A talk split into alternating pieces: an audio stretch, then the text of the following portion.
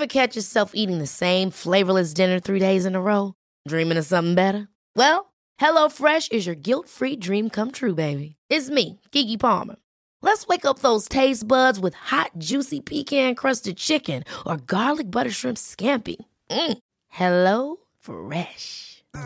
Stop dreaming of all the delicious possibilities and dig in at HelloFresh.com. Let's get this dinner party started. Even when we're on a budget, we still deserve nice things. Quince is a place to scoop up stunning high-end goods for 50 to 80% less than similar brands. They have buttery soft cashmere sweaters starting at $50, luxurious Italian leather bags, and so much more. Plus, Quince only works with factories that use safe, ethical, and responsible manufacturing. Get the high-end goods you'll love without the high price tag with Quince. Go to quince.com slash style for free shipping and 365-day returns. One size fits all seemed like a good idea for clothes Nice dress. Uh, it's a it's a t-shirt. until you tried it on. Same goes for your healthcare. That's why United Healthcare offers a variety of flexible, budget friendly coverage for medical, vision, dental, and more. So, whether you're between jobs, coming off a parent's plan, or even missed open enrollment, you can find the plan that fits you best. Find out more about United Healthcare coverage at uh1.com. That's uh1.com. Varmt välkommen till Knatteplock-podden. Detta är en podd om mat, barn och föräldraskap. I avsnitten får du lyssna på härliga gäster som delar sina perspektiv, erfarenheter och kunskaper inom dessa spännande ämnen. Den här podden gör jag också tillsammans med bästa Libro. Det är jag så glad för. Förutom att jag använder deras grymma blöjor till min dotter dagligen, så använder jag också deras fantastiska app. I appen kan man läsa om sitt barns utveckling, läsa på om intressanta ämnen och dessutom samla poäng från sina blöjköp. Med poängen så kan man sedan klicka hem fina saker och erbjudanden från deras poängshop. Har du inte Libro-appen idag så tycker jag verkligen att du ska ladda ner den och gå med i deras klubb. Stort tack Libro för att ni gör denna podd möjlig framtagen för att kapa hjärnan lite. Liksom. trigga. Trigga, och, och där kan det liksom sätta sig ur spel. Men om man inte äter den typen av mat mer än liksom på ett enstaka tillfälle ibland, då tror jag att man verkligen kan lyssna på sin egen intuition. Min första gäst i podden är ingen mindre än Jessica Frey. Denna underbara kvinna som alltid har någonting på gång. Hon har charmat svenska folket med hennes fantastiska recept och härliga leende sedan hon slog igenom som 22-åring i första upplagan av Årets Mästerkock. Hon har sedan dess bjussat på inspirerande mat i flertalet kokböcker. På sitt fina Instagramkonto delar hon dagligen med sig av goda recept. Ibland ser ni henne också i TV-rutan där hon lagar massa god mat på Nyhetsmorgon i TV4. Under vårt samtal pratade vi om intuitivt ätande, hur hennes relation till mat har förändrats genom åren, hur hennes dotters matintroduktion har varit och hur hennes klädstil förändrades efter att hon blev mamma. Ni hör, högt och lågt blev det. Hoppas att ni gillar det. Avsnittet kommer här. Hej Jessica! Hej! Hur mår du? Jag mår jättebra, jag kom in här i kylan, men eh, nu är jag här och det är supermysigt att vara här. Ja, vad kul att du är här. Jättekul. Du är faktiskt första gästen i podden. Jag känner mig väldigt ärad. Ja, hur känns det egentligen? Att det du känns bra. vågade komma hit Ja. ändå. Du vet inte vad du är inne på. Nej, nej men det, jag känner mig väldigt trygg här. Ja, vad härligt. Eh, men Jessica, många vet ju vem du är tror jag, från både ditt härliga Instagramkonto där du delar både mat och recept och lite familjeliv, Mm. men också från Nyhetsmorgon Mm. där du gästspelar ibland och lagar lite mat. Precis. Men eh, vill du berätta lite mer om dig själv? Kanske berätta något som ingen vet eller som få vet. Får man säga så? Ja, det får man säga. Det, är bara, det känns som alla, alla vet allt om mig. Nej då. Hur bra lät det?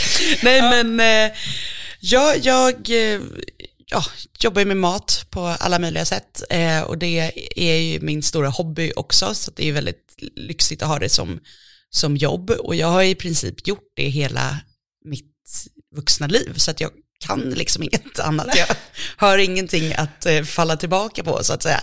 Det behöver Eh, du inte tror jag. Nej, jag känner också att det, det ger en extra morot på något vis. Att det är så här, det är det här jag gör som make it work. Ehm, så att jag har en dotter som är 15 månader nu och eh, hon är då precis som jag inte så, inte så stor i maten. Jag, liksom, jag gillade ju verkligen inte att äta mat så mycket när jag var liten. Eh, det är kanske inte så många som vet. Att Nej. det, eh, utan jag Det var började ut- inte tidigt då? Nej, eller liksom matintresse. Jag gillade att laga mat väldigt tidigt och vara med i Ah, köket. okej. Men jag var ju otroligt picky, så det var ju liksom fem grejer som jag gillade typ. Och sen så, så här svalt jag mig emellan. Alltså att jag bara liksom, jag höll ut tills Ja. det var gott, annars åt jag liksom inte. Typ. Så Vad det, spännande. Vad var det för fem grejer då, fråga? Eh, Det var ju potatisgratäng, eh, och det åt vi ju inte så ofta. Eh, och sen så eh, riskakor, jag älskar det med smör, och hallonkräm, eh, sån här fruktsoppa, så här Ekströms, liksom, jättenäringsrik. Eh, och, ja, det var väl typ det, och så Ja. godis och glass och sötsaker. Ja, Eh, ja men hela kostcirkeln där hör jag. Hela, hela kostcirkeln. Så att det, det, och det på ett sätt är det ganska bra för mig i mitt eget föräldraskap när man blir stressad över att barnen inte äter. Ja. Så är det så här, ja, fast det, det blir ganska bra ändå. Ja. Alltså på något vis så är kroppen så sjukt smart att den Ja. så här, den plockar upp den där liksom minimala vitaminen som finns i hallonkrämen och liksom använder den på något vis. Ja men verkligen är det så. Alltså, Ja. Många barn, eller alla barn klarar sig på väldigt lite. Faktiskt. Ja, och det- man kan växa upp och bli kokboksförfattare Ja. och allt möjligt ändå. Exakt, ja och det ger sig liksom. Eh, och mitt så här, stora matintresse kom, alltså när jag började vara intresserad av att liksom äta mycket olika mat, det var ju kanske så här 12-13 års åldern. Och jag kommer ihåg ganska specifikt, för då åt jag, eh, då var det väldigt inne med så här chèvre chaud, alltså så här chèvremacka liksom, du vet med lite honung och balsamico typ. Och jag var så skeptisk, så här getost liksom, det lät ju inte gott. Eh, men så smakade jag det och det var ju liksom bland det godaste jag hade ätit. Och då väcktes någonting i mig att så här, att gud man kan verkligen missa något om man så här inte vågar prova. Ja. Eh, och sen dess så har jag liksom vågat prova och då har ju många dörrar öppnats liksom. Ja. Så det... Du lade på några fler på listan där. Ja, ja men exakt. exakt, det var en till. Nej men sådär, och sen efter det så, så var det ju öppet, så då åt jag ju allt liksom. Så att jag tror också den grejen att, så här, att det kan komma, alltså man kan kanske inte pusha det hos vissa Nej. människor, alltså just det där intresset att så här, prova nya smaker, utan så här, kanske inte vill ha några nya smaker. Punkt. Ja men att det kan komma senare. Det Ja. är ett väldigt bra budskap ändå, att man inte behöver stressa så mycket. Precis, ja, exakt. Och det, Någon gång kommer det förmodligtvis, förmodligen, säger man, förmodligen. Förmodligen. Ja. Förmodligtvis. Man får inte tänka bort för mycket, det Nej. blir bara dåligt. Eh, ja men härligt, det är ju väldigt spännande att höra om din liksom, matresa och när matintresset började egentligen. Mm. Då. Men då var det där runt 12-13 år. Ja, då började liksom intresset att äta olika saker. Men innan så har jag alltid varit intresserad av att laga mat och baka och vara med i köket. Det har jag alltid tyckt varit väldigt spännande, själva den eh, magin som sker. Liksom. Och det förstod jag väldigt tidigt. Så jag vet att jag hellre liksom hängde med vår kock i köket på förskolan än att vara liksom ute och leka med barnen. Så att jag hängde med Gunilla helst eh, och fick vara med och liksom laga mat och grejer. Ja. Så att det har jag alltid gillat. Liksom. Och det tror jag också är själva miljön, alltså att hänga i, i köket, är så varmt och mysigt och man gör grejer, folk blir glada, alltså ta hand om andra, alltså så. Ja, Eh, vad kul. Är Gunilla stolt över dig nu då? Gud, vi har, jag har inte träffat henne sedan dess. Jag, jag har nämnt henne i otroligt många sammanhang. Så att jag hoppas att hon liksom, jag vet inte vad hon heter i efternamn, jag vet inte. Hör du det här Gunilla? Ja. Tack. Ja, vad härligt. Ja. Hur, hur har din relation varit med maten liksom, genom åren då? Först var Mm. den lite brokig då, att du kanske inte gillade allt och sen runt tonåren började du utforska lite mer. Precis, och eh, sen har det väl varit som liksom för ganska många, alltså lite så halvproblematiskt också, så här, när man kommer in i tonåren och så här, så att det blir liksom mycket eh, konstiga regler kring mat och vad man ska äta och vad som inte är bra, vad som är nyttigt och inte nyttigt och hit och dit. Och man trasslar in sig mentalt i det och man lär sig onödiga liksom verktyg som att så här, räkna kalorier och points och hela den biten. Och det blir ju bara aldrig bra. Det är så många sådana siffror som fortfarande sitter i mitt huvud som jag önskar att jag kunde liksom radera. För att det är liksom inte, det är inte grejer som gynnar mig att veta. För att jag tror egentligen min grundfilosofi som kom kanske när jag var liksom runt 22-23 när jag bara var så less på alla de här liksom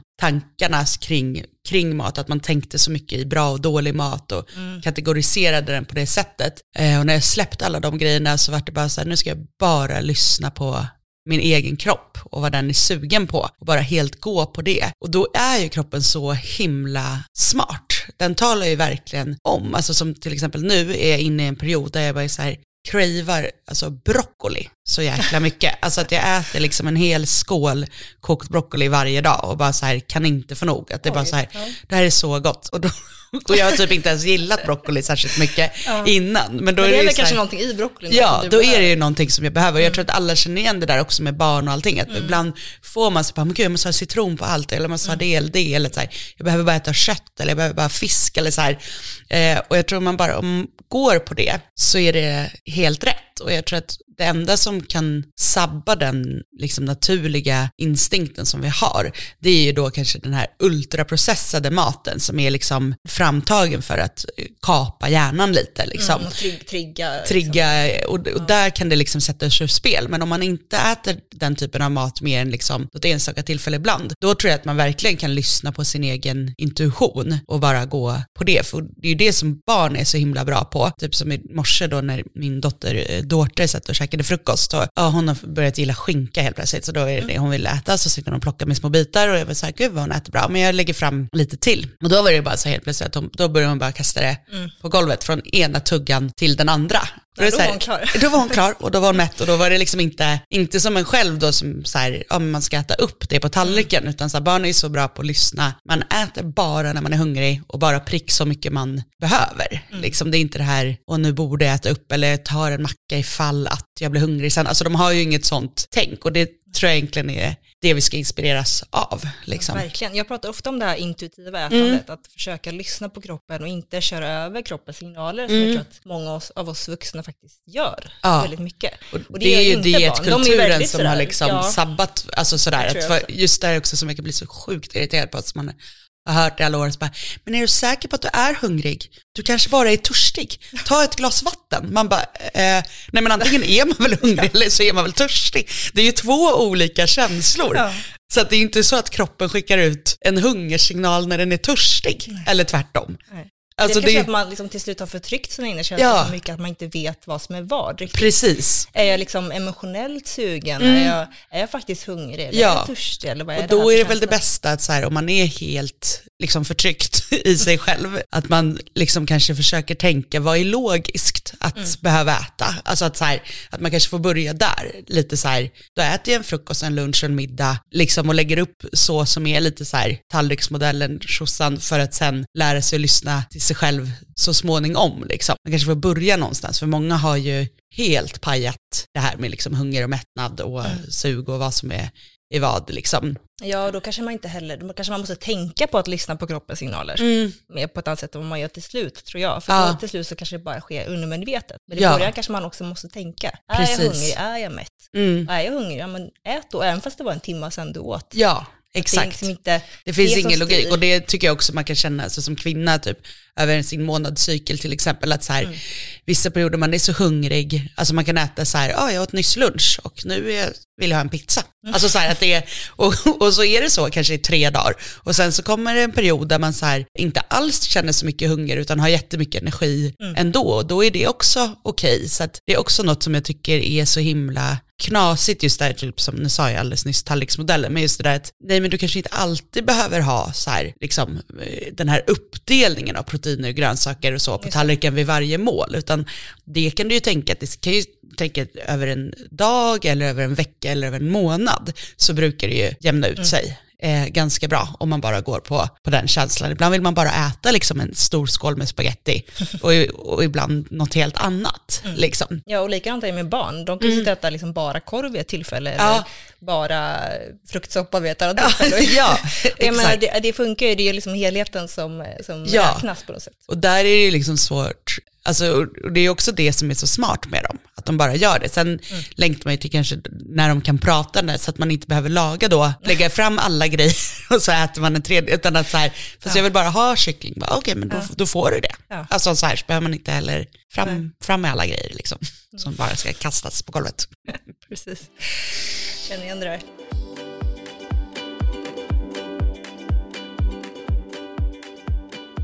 Men hur, hur kom du till den här insikten då med liksom, att lyssna på kroppen mer och försöka ta bort de här etiketterna och reglerna? Jag hade? tror att det kom av bara en, alltså du vet när bägaren bara rinner över, att man bara blir så less på sig själv och less på att ha alla de här, för det som blir liksom när man har alla de här reglerna, då tänker man ju på mat dygnet runt, fast inte på det här lustfyllda sättet, utan snarare på när ska jag äta nästa gång, när får jag äta, när får jag inte äta, alltså att det bara är inne i, i de tankarna och det tar ju otroligt mycket energi liksom. Men det var under en period jag var lite mellan jobb och så här hade ganska mycket tid. Så att jag vet att jag var ute och gick liksom varje dag, alltså så här långa promenader. Och det var väl där någonstans som den här insikten landade i mig liksom. Att så här, det är så här, eh, för jag märkte också då, typ när jag kom hem från de här långa promenaderna, och skulle laga lunch, att det var så tydligt då, var jag så här, att jag var sugen på så här specifika grejer. Och eftersom jag hade mycket tid så kunde jag liksom också laga det jag var sugen på och så här gå på den magkänslan och då, jag var kanske 22 då, ungefär 23 och så ja, men gick jag typ och handlade varje dag och då var det också sådär att jag liksom kunde bara okej vad ska jag laga till middag idag? Vad är jag sugen på? Så kollade jag i de här liksom, hade de en så här hylla med sån, saker som är kort i datum så det, man handlar liksom det som går ut samma det. dag. Mm, Det är bra. Och eftersom jag inte hade så mycket jobb just då så hade jag ganska tajt ekonomiskt så det var perfekt. Bra kombo. eh, så, att, eh, nej, men så det var under, eh, under den perioden och sen har det liksom hängt i. Sen är det klart att man kan trilla tillbaka i liksom gamla mönster, men där tycker jag att det finns alltså, så bra nu med till exempel sociala medier. Om man följer olika konton som pratar om sådana här saker så blir man ju hela tiden påmind om liksom, att så här, det funkar ändå inte att hoppa på några dieter eller så. Alltså så här, det är inget som, det kommer inte komma något gott ur det. Nej, liksom. Och det gäller ju verkligen att välja då vilka man följer, så att man väljer dem man mår bra av. Ja, För där verkligen. kan man ju verkligen hamna i liksom fel Ja. mönster om man börjar följa. Och sen är det också det här med, alltså typ om man tänker liksom att må bra är ett helhetskoncept. Att så här om man börjar med, jag får ju mycket frågor nu så här efter graviditet och efter så här, oh, men vad, vad tränar du och har du kommit igång med det och så här. Och så därför att alla är så fast i ett utseende eller att man vill se ut på ett visst sätt och, och, och just det här med träning, att det är någon sån otrolig hälsohets. Så där jag, har jag varit liksom jättetydlig med att så här, nej men jag tränade ingenting när jag var gravid för att jag orkade inte, jag mådde piss. Sen har jag inte tränat någon, alltså jag har varit ute och sprungit typ några få gånger sedan hon kom och det har jag tyckt varit jätteskönt men sen har det inte funnits någon energi och då har jag inte gjort det. Och då har jag bara gått på så här lugna, lugna yin-yoga-pass och det har varit fantastiskt. Och jag har liksom typ gått ut och sovit och det har liksom verkligen varit det min kropp behöver. Och då bara så här, och hur glada folk blir av att, att man bara säger det. Att så nej, men du kan liksom vila ett år eller två, eller fem om du behöver det.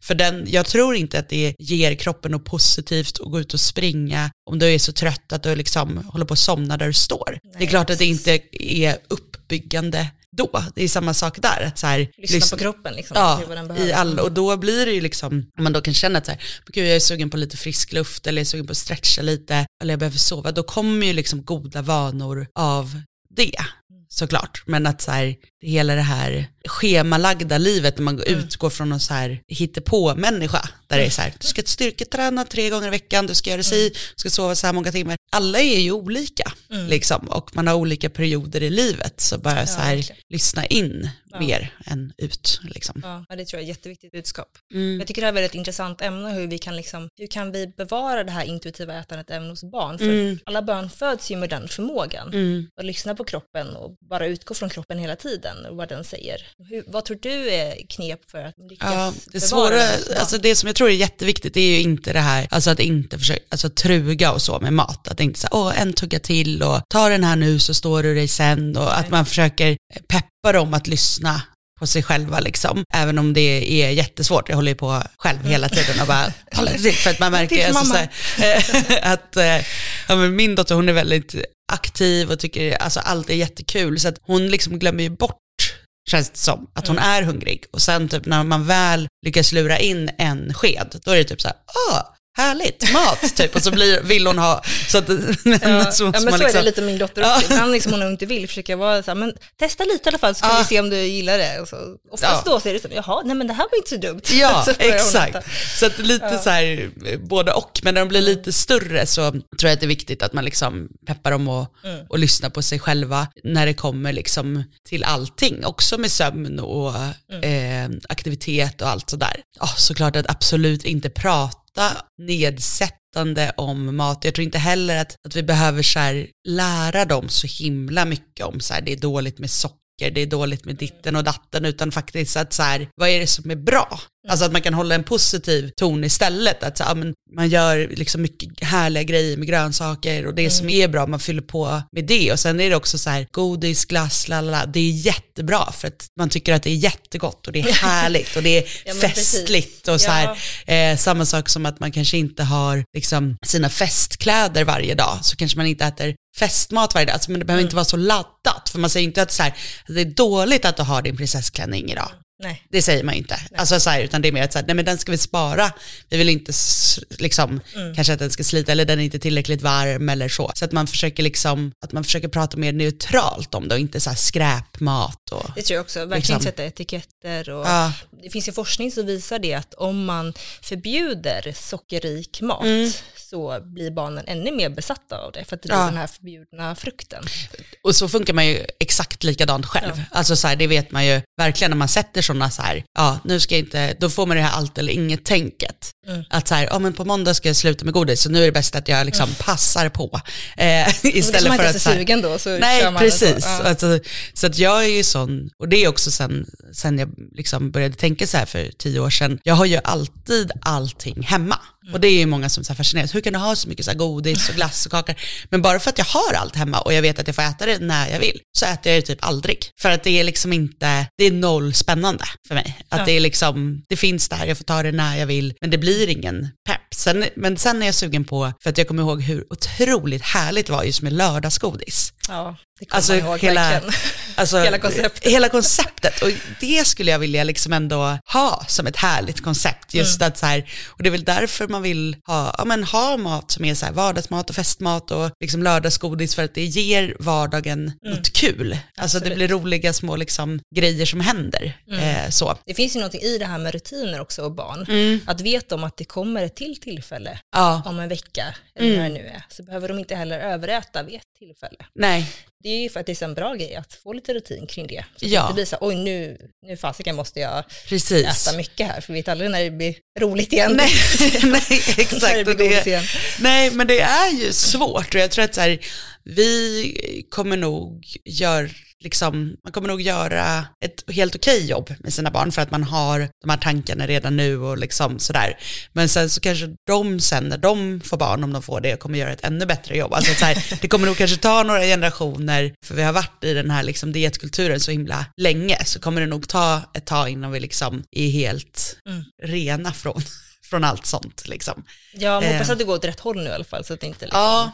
blir värre. Ja, och där tror jag att, det, är- alltså man som förälder måste vara en jätteviktig motpol, för det är, det är ju så, ja men alla löpsedlar, alla sociala medier, det är bara så här, pratas ju bara om liksom träning och bantning och dieter och liksom, eh, situationstecken, men så här hälsosam livsstil, alltså som allt egentligen bara är, alltså en täckmantel för samma skit egentligen. verkligen. Alltså, eh, så det är något jag brinner skitmycket för, att inte Mm. föra det vidare, utan att mat bara ska få vara glatt och härligt och lustfyllt. Liksom. Men det tycker jag man märker ändå på dina recept. Du använder många olika ingredienser Mm. och liksom inga sådär restriktioner eh, kring vad som används. Så jag försöker tänka lite likadant Ja. gör mina recept. Jag har liksom nä- nästan allt. Jag har ingen så förbjuden ingrediens, så länge det inte är rent av farligt för barn. Nej. Men jag försöker undvika.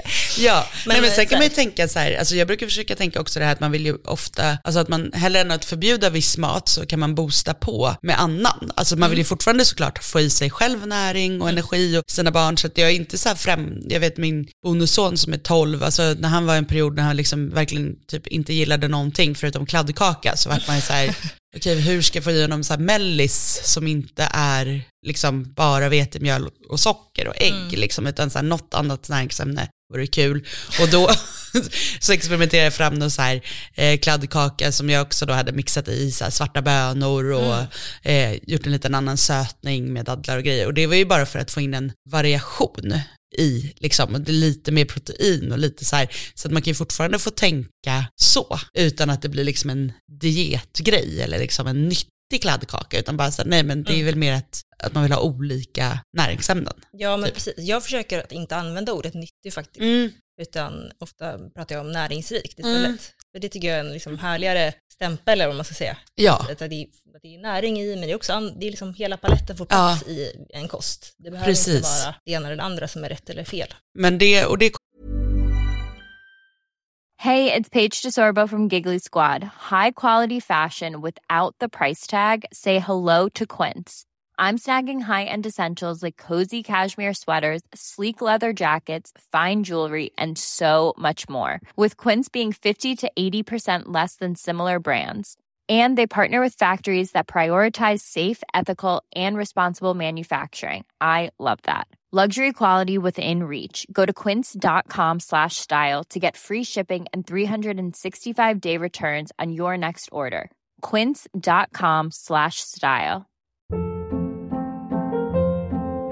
Hold up. What was that? Boring. No flavor. That was as bad as those leftovers you ate all week. Kiki Palmer here, and it's time to say hello to something fresh and guilt-free. Hello Fresh. Jazz up dinner with pecan-crusted chicken or garlic butter shrimp scampi. Now that's music to my mouth. Hello Fresh. Let's get this dinner party started. Discover all the delicious possibilities at hellofresh.com.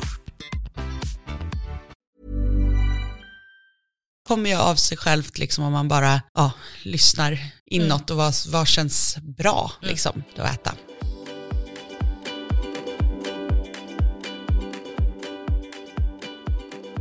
Men eh, din dotter är ju då 15 eh, månader. Mm. Hon har ätit mat ett tag då mm. antar jag.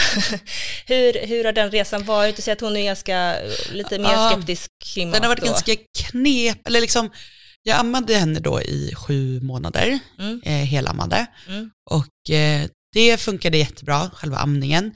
Men redan där märkte jag att hon var väldigt, så här, väldigt tydliga mm. signaler. Så att hon har absolut inte varit ett barn som har så här, vill bli ammad hela tiden eller så här, ammas länge, utan hon är så här, fem minuter, klar. Mm. Alltså så, här, så att hon är sjukt snabb, alltså ja, ja. redan från liksom, nyfödd. Så det har ju varit ändå rätt praktiskt. Liksom. Mm. Men många har ju varit såhär, men det är så bra, då kan man trösta dem genom att amma. Men det har hon inte, är hon inte hungrig så, så har hon inte velat äta. Liksom. Okay.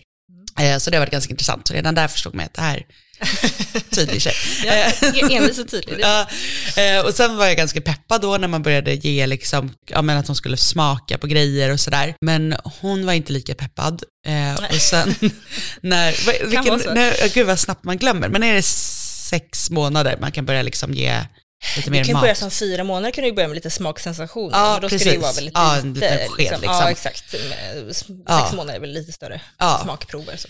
Mm. Precis, eh, men då började vi med det. Och, och det har ju liksom varit så svårt. Mm. Alltså hon har varit så ointresserad mm. av alltså, allting liksom. Och ibland har man bara, men nu gillade hon den här lilla klämmisen, bara hurra, sen nästa ja. dag så här, helt ratad.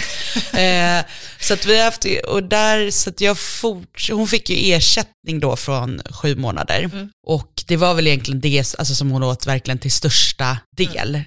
fram tills, alltså hon var typ ett Mm. Alltså så här, men fick ju hela tiden så här, äta samma som vi. Mm. För att det var ju inte då att jag stod och gjorde så här annan så här, bebismat till henne eftersom hon ändå inte ville äta den. Så det, det, var ingen idé. det var ingen idé. Nej men så att det var så här, checkar vi spagetti och köttfärssås, fick hon spagetti och köttfärssås. Ja. Eh, var inte heller så här skitnoga med det här med att de inte skulle få i sig något salt och så, för att jag mm. kände att hon ändå typ åt en spagetti. Så ja, nej. det var liksom... det spelar inte så stor roll. Nej, nej. jag tog det beslutet.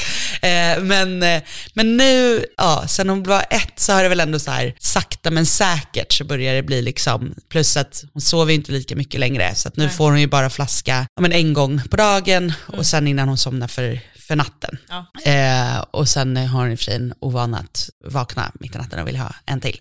Oh. Eh, så det, det är fortfarande mycket flaskor. Ja. Eh, men vi, vi kämpar på. Ja, eh, det är inte ovanligt i den åldern och det är ju nej. vanligt också att det lossnar runt året där. Ja. Eh, många tror ju att så här, från sexmånadersdagen då ja, ska det lastas fram diverse tallrikar och bara så här.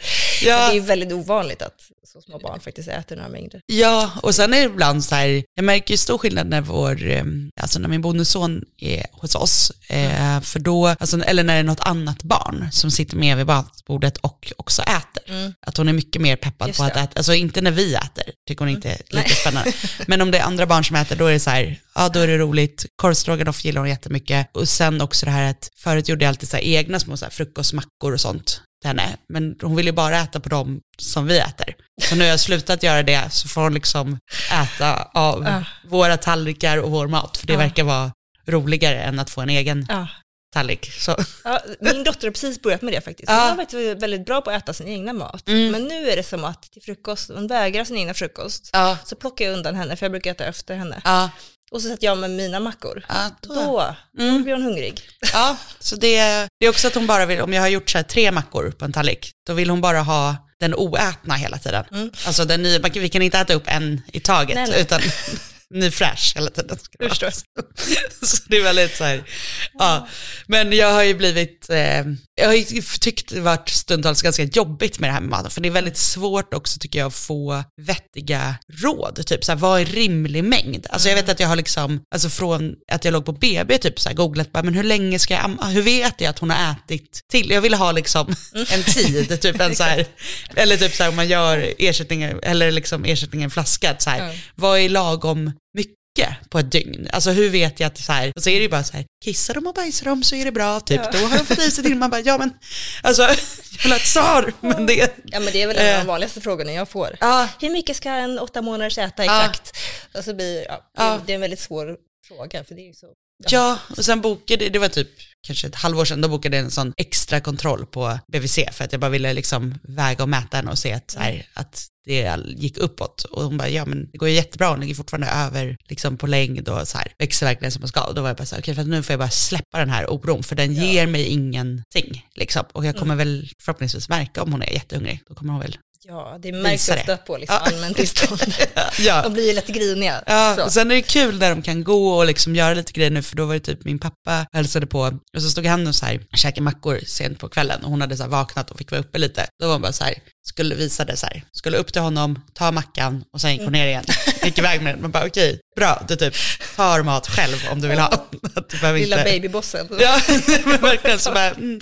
Och sen också att så här, ja men typ att hon går ut i köket och typ så här, du vet, försöker nå någon fruktskål. Ja. Så bara, okej men då vill hon ha ett äpple nu, så Ja. varsågod. Ja men det är faktiskt härligt när de är lite mer att de Ja. kan röra sig fritt och Mm. sådär. Man kan Sen- läsa signalen lite bättre. Har det varit jättevärdefullt att så följa konton som ditt för att så här, jag har blivit så mycket modigare, eller jag har liksom varit ganska modig från början för att jag har gjort det i att så här, inte bara ge liksom puréer utan hon har ju fått liksom plocka och bitar och, och så hela tiden och det har ju också varit en stor skillnad för det har jag ju tyckt varit roligt. Mm. Liksom. Men så har man ju varit lite nojig så har jag gått och, liksom, de här räddningskurserna om man skulle sätta i halsen så att vi Mm. Men det har är ju koll. bra, det tycker jag är jättebra att Ja. alla gör. Ja, Men jag förstår ju din rädsla, det är ju inte den enda kan jag säga. Nej. Jag själv var också jätterädd i början. ja. Så att, men det är ju Men liksom så lite fick hon tänder väldigt så. tidigt så att så här, hon har ju velat liksom Mm. äta och hon har ju kunnat tugga för att hon har ju kunnat det. Ja. Liksom. Så att det, ja, det känns ändå skönt för nu liksom ska hon börja förskola om ett par månader och då känns det skönt att hon kan Ja. äta.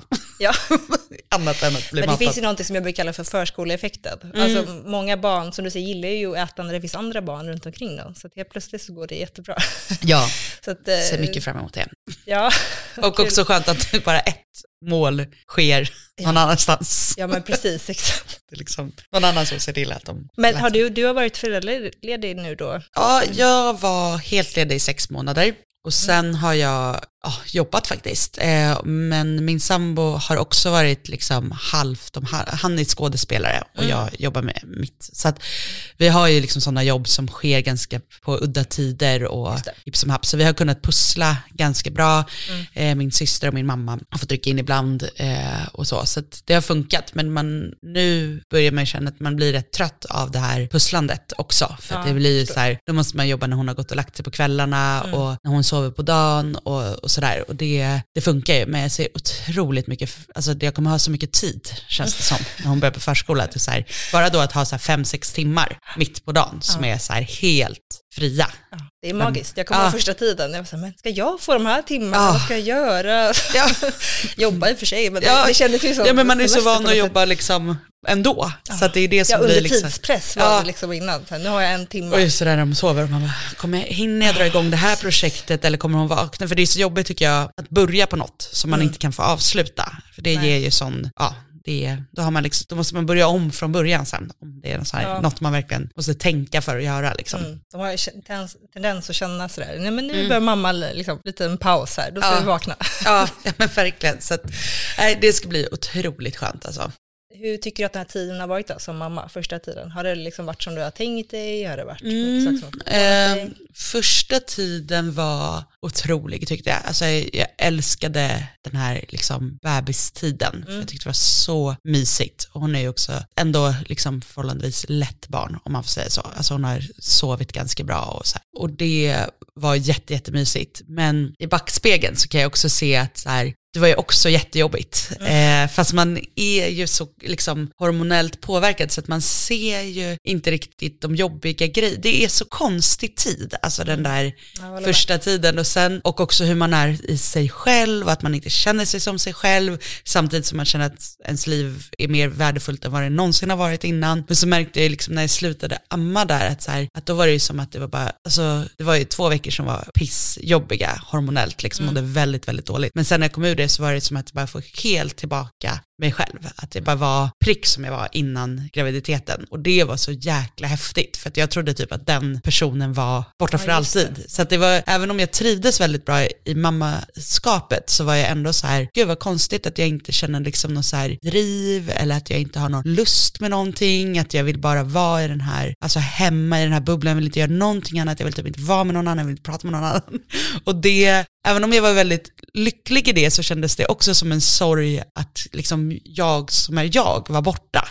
Eh, och jag visste ju inte att hon skulle komma tillbaka, men det gjorde hon. Och det var ju också så skönt. Sen så tyckte jag att så här, sommaren här när hon var liksom, fyllde år 4 september, så jag tyckte perioden liksom juni till augusti där var ganska tuff, för det var dels var det så här första sommaren då med henne, men också där att det är mycket på sommaren med liksom värmen och att hon inte kunde gå än, så hon bara kröp överallt och så är det bara så sand och stök och, och att hon var väldigt frustrerad för att hon var ju i en ålder där man här vill stå och gå och krypa och så man upptäcker grejer men så är det jättemycket grejer som är farligt och man får inte det och inte det. Så jag tyckte sommaren var väldigt så här tuff. Intensiv. Väldigt intensiv och jag var en vecka i Spanien med några tjejkompisar och henne och det var bara så här, typ det jobbigaste jag har gjort för det var så många faror. Resa med barn är liksom inte samma sak som vet resa innan mycket, barn.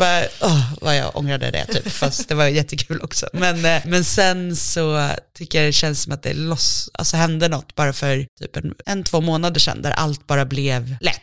Alltså som att vi började kunna liksom, inte för att hon kan prata, men som att, som att jag kunde prata med henne helt plötsligt och hon kan gå och är så här glad och nöjd hela tiden igen och det, så nu känns det så här otroligt liksom, eh, härligt. Så att eh, första sex månaderna, fantastiska, lite tuff sommar och nu känns det bra igen. Nu är ni på bra plats. Ja. Precis, Ja. men det, det är liksom upp och ner. Ja, Eh, men jag håller med. Men ja. jag tycker också att det blir roligare och roligare faktiskt. mm, Men jag kan också se tillbaka på bebistiden och kanske glorifiera den lite för mycket, tror jag. ja, Liksom saknar lilla bebisen Ja. som liksom, man kunde tvångskrama utan Ja, exakt. Nej men det är ju väldigt mysigt det där och bara, oj just att hon är född på, i september så det var ju så vinter och man bara Mm. var hemma och gick så promenader och det, och det var väldigt så här, jag kände också, alltså 100% jag kommer ihåg att jag sa det till några andra mammor typ att jag bara, åh ändå, alltså jag är jätteglad för alla så här framsteg kring jämställdhet men tänk att bara vara mamma. Alltså att det är det enda du ska göra. Alltså så här, laga mat, vara hemma, städa, ta hand om sin bebis. Typ. Att jag bara, det är så mysigt men sen Ja, lossnade ju den. Men det, Ja. det, det var liksom, Det kanske är någonting med amningshormoner. Ja, jag kan tror inte det. riktigt det där, men Ja. det kanske har någonting med det att göra. jag tror det verkligen, alltså Mm. att man blir så här stenålders människa liksom. Ja. Att bara, Jag kan känna igen det Ja. faktiskt, de känslorna. Ja, och där känner jag att så här också, alltså just att så här, njuta av varje fas, att så här, Mm. den går över, så att så här, lek liksom hemmafru den tiden och bara så här, tyck det är asmysigt. För sen, alltså så här, du kommer, eller så kommer du tycka det är jättemysigt för alltid, men om du så här, saknar den personen du var innan så, så kommer den tillbaka. Men Ja. det är också kul att vara i den där ja, perioden liksom. Man Och, behöver inte stressa fram Nej, sitt och, det, gamla jag. och sen att så här, som jag försökt säga till alla, men typ ha ingenting planerat under den tiden. Ha inget bokat, ha inget att passa. För det, det är liksom det som gör det jobbigt tror jag. Om man försöker så här vara överallt. Det tog ju så här, jag tror inte vi var på öppna förskolan förrän hon var typ så här sju, åtta månader. För det var först då jag bara så här orkade vara, alltså träffa andra människor och liksom komma ut. Annars så hade jag inget behov av det, utan bara hemma, typ lyssna på poddar, otroligt mysigt, läsa böcker, men inte, Och det är helt okej. Man behöver inte Ja. heller leva sitt gamla liv Nej, när man har just fått barn. då. Man kan Nej. liksom ändå så här låta det ta tid. Och där är det också att man hör ju då, alltså andra som då hade väl liksom småbarn för länge sedan, som så här också kanske glorifierar och, och ändrar och alltså så här, som är så, men gud passa på att gå på restaurang, passa på att göra sånt och det är så smidigt man bara, när de är sådär små och bara sover och gör alla de här tusen sakerna, typ res, man bara nej. Alltså så här, så jobbigt för att så här, vi gick ju på restaurang några gånger, men hur kul var det egentligen? För man sitter bara och är skitstressad att barnet ska vakna och så gör det typ det och är jättesur och så behöver man sitta och amma bland folk och det är ju helt okej, men det är ju inte askul liksom. Nej, det är kanske inte lika njutbart. Nej. Sitta med en liksom, gnällig bebis. Nej, och man är så här stressad och så tar de inte bröstet och bara så här. Ja, Spruta för det mjölk första barnet tror jag man är lite mer så. Ja. Jag tror att man kanske blir lite mer lattjo efter, efter Ja. fler barn. Eller nu vet inte Absolut. jag det, men jag kan tänka mig det. Det tror jag, och framförallt så tror jag just att man har det här perspektivet, alltså hur man själv kommer bli, så vet man att så här, nu är vi i den här fasen. Alltså jag köpte ju till exempel en helt ny garderob. Har jag haft på mig något av de plaggen sen jag slutade hemma? Nej. Alltså, det är liksom mycket som, som är, Vad är det för inga inga stora... stora- Är det liksom hemmafruskläder? Nej, nej jag fick någonting? något så här, jag har ju typ bara klänningar, Mm. eh, alltid. Och eh, det tycker jag är världens skönaste plagg. Men då fick jag för mig att här, jag inte kunde ha klänning för att det kändes så himla mammigt. Alltså att jag kände mig så mycket som en mamma. och det kändes så töntigt. Jag trodde du ville embracea det. Nej, jag, jag, jag ville ju det, men samtidigt så ville jag liksom inte, det var något med det som jag kände mig liksom som en tönt. Eh, och det kändes jobbigt, så att jag köpte så här massa coola kostymer, alltså hur många som helst. Jaha. Och bara nu ska jag vara så här boss lady i snygga kostymer. Ja. Och eh, det var jag då i några veckor typ. Ja. Tills jag bara, mm, mina klänningar. så, ja. Alltså nu när du säger det så tänker jag lite på mig själv faktiskt. Ja. så här, Jag ändrade också lite stil Mm. precis när jag blev mamma. Jag väldigt mycket färg i garderoben helt plötsligt. Jag är en människa som annars har väldigt mycket svart, ja, kanske sträcker mig till vitt ja. eller beige liksom. helt plötsligt köpte jag lila och det var grönt. Men Ja. jag vet inte, det kanske också var Men du kom sen också tillbaka till din. Ja, jag börjar ja. komma tillbaka. Jag sitter ju här nu i, i, i vitt och, Vitt och beige. Ja, vitt och beige. Ja. Perfekt. Så att det, Du smälter in bra på ditt eget kontor. exakt. Nej men så det, det är också en sån grej. Alltså, men jag tycker ändå att man ska få, där och då hade jag ett otroligt behov av de här kostymerna. Och eh, de, de fyllde sitt syfte, om Mm. än att jag kanske hade önskat att jag kanske inte köpte så många. Alltså, lite, räckt med två. Om det blir fler barn så har du Ja, det där. då jag min krisgarderob som hänger. Exakt,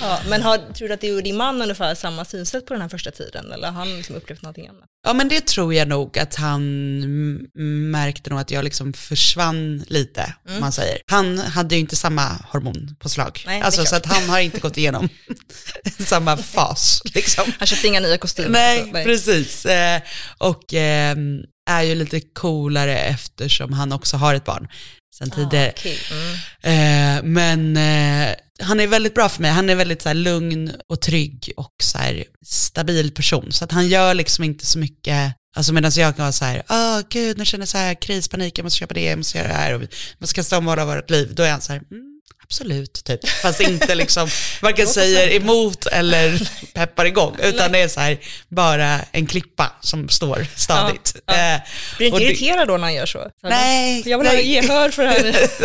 Eller i och för sig, det kan jag absolut bli ibland, att jag så här, så här tjatar, tjatar, tjatar. Men det, jag är väldigt glad liksom i backspegeln att han är så liksom lugn och, eh, och att han bara liksom var där, om man säger. Medan jag gick igenom mina faser. Mm. Så. Och var så här, kan jag få alla dina pappadagar också? Jag vill vara ledig i två år, typ. Okej, om du vill ha det så absolut, Ja. men vi ta oss igenom de här sex månaderna först? Ja, kan du känna efter sen? Och sen då bara, låt mig jobba.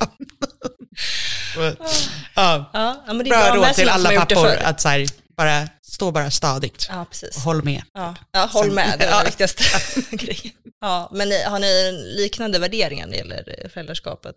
Ja, men det tror jag. Mm. Eh, känns det som. Alltså vi har ju också varit tillsammans i fem år och liksom hade ändå varit tillsammans i tre år innan vi blev gravida och så. Och det mm. känner jag var väldigt skönt. Att så här, man känner varandra ganska bra. Mm. Eh, och, och vi hade bott ihop, inte skitlänge i och för sig, men ändå så här tillräckligt länge. Och det tror jag är tryggt. Och sen så vet ju jag mycket hur han är som pappa eftersom jag har min bondeson mm, och har ju sett han är med honom. Så det, och jag har ju också fått liksom på ett sätt öva på lite mitt föräldraskap i och med det. Mm. Även om jag är väldigt noga med att så här, Douglas har en mamma och en pappa som de tar mm. den biten liksom. Men ändå det här att man lever med barn och man är lite inne i det liksom. Mm, bor han hos er då varannan vecka? Ja, precis. Och, och ja, nej men så att det, mm, jag visste lite vem han var som, mm. som pappa. Visste väl i och för sig inte vem jag skulle bli helt som mamma. Och det vet man väl fortfarande inte för att hon är fortfarande så liten och så här, just nu är det ju inte så mycket uppfostran. Nu är det ju bara kärlek och mat och mm. trygghet liksom. har ni samma synsätt på maten då? Eller liksom, det där kan ju klascha lite ibland också.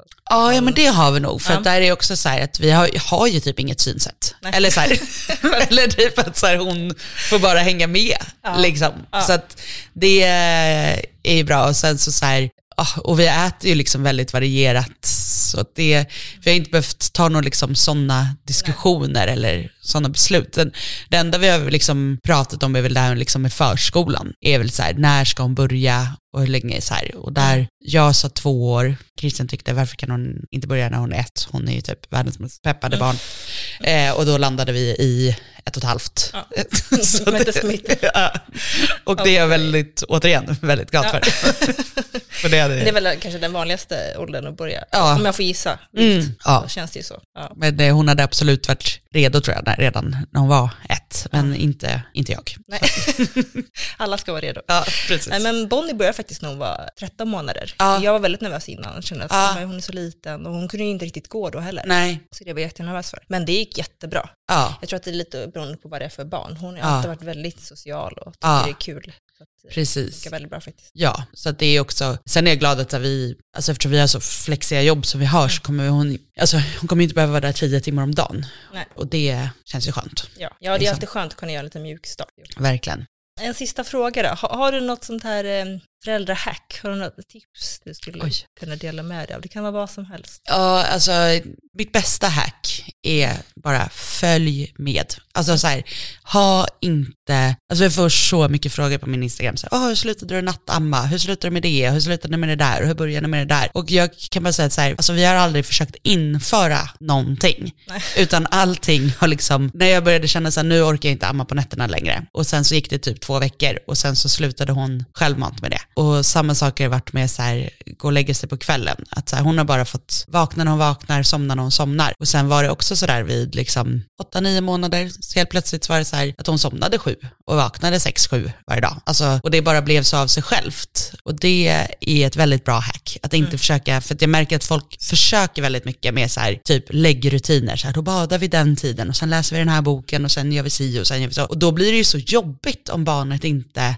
är på. på ja, för då har man ju gjort jättemycket ansträngningar som inte sen liksom ger någon frukt. Så att så här, sen är det väl bra att så här, försöka ha ungefär samma tid, man går och lägger varje dag för att man kommer in i något lunk, men att man kanske inte kan börja med det förrän de är lite äldre, för de har liksom inte den där klockan innan. Så det tycker jag är ett kanonhack. Bara följ Go with the flow. Ja, och samma sak med det här, även om jag själv har varit liksom nervös för de grejerna, men så här, med maten och så också, att så här, du märker att de är så helt ointresserade. Så bara, men kanske inte stå och laga då massa små grejer och stressa med det, utan mer så här, öppna en burk majs, lägg fram några majskorn, typ. ta fram lite ärtor från frysen. Alltså, ha, jag brukar ha så, ja men typ kokta bönor och alltså massa sådana där grejer i frysen och små bitar av olika saker, så kan man bara ta fram fyra små saker. Så behöver man inte slänga så mycket eller typ stek lite pyttipanna.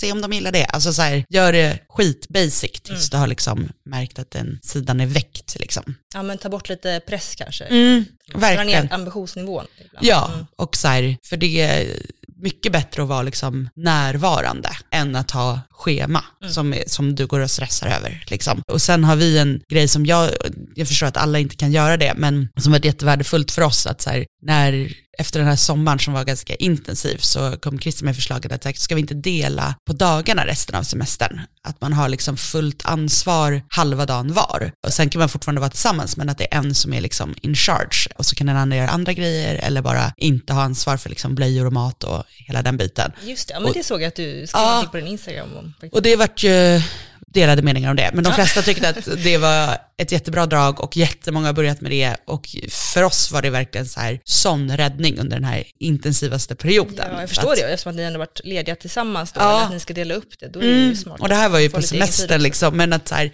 att man kan göra det, för då får man ju så mycket tid för återhämtning. Alltså jag kommer ihåg första dagarna, bara gud jag har liksom sju timmar nu, jag kan Mm. göra vad jag vill. Det är liksom en hel arbetsdag. Och även då man har en semester, att bara veta att så här, ja men då kan jag träna på morgonen eller jag kan ligga och läsa en bok och vad man nu vill göra.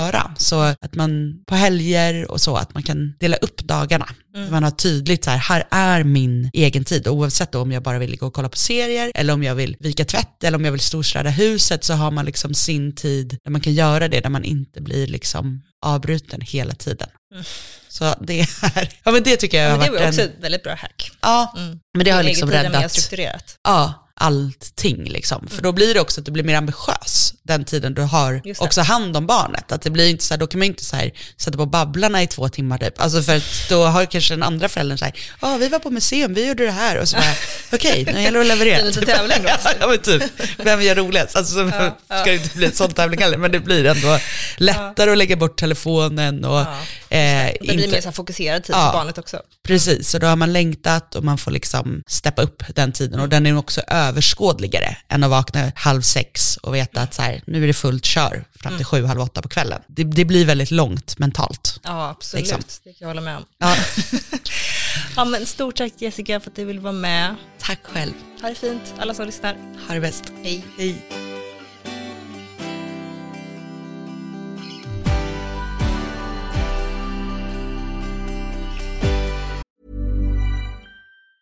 Even on a budget, quality is non-negotiable. That's why Quince is the place to score high-end essentials at 50 to 80% less than similar brands. Get your hands on buttery soft cashmere sweaters from just 60 bucks, Italian leather jackets, and so much more. And the best part about Quince, they exclusively partner with factories committed to safe, ethical, and responsible manufacturing. Elevate your style without the elevated price tag with Quince. Go to quince.com slash upgrade for free shipping and 365-day returns. Ever catch yourself eating the same flavorless dinner three days in a row? Dreaming of something better? Well, HelloFresh is your guilt-free dream come true, baby. It's me, Kiki Palmer. Let's wake up those taste buds with hot, juicy pecan-crusted chicken or garlic butter shrimp scampi. Mm. Hello Fresh. Stop dreaming of all the delicious possibilities and dig in at HelloFresh.com. Let's get this dinner party started. Planning for your next trip? Elevate your travel style with Quince. Quince has all the jet setting essentials you'll want for your next getaway, like European linen, premium luggage options, buttery soft Italian leather bags, and so much more. And is all priced at 50 to 80% less than similar brands. Plus, Quince only works with factories that use safe and ethical manufacturing practices. Pack your bags with high-quality essentials you'll be wearing for vacations to come with Quince. Go to quince.com slash pack for free shipping and 365-day returns.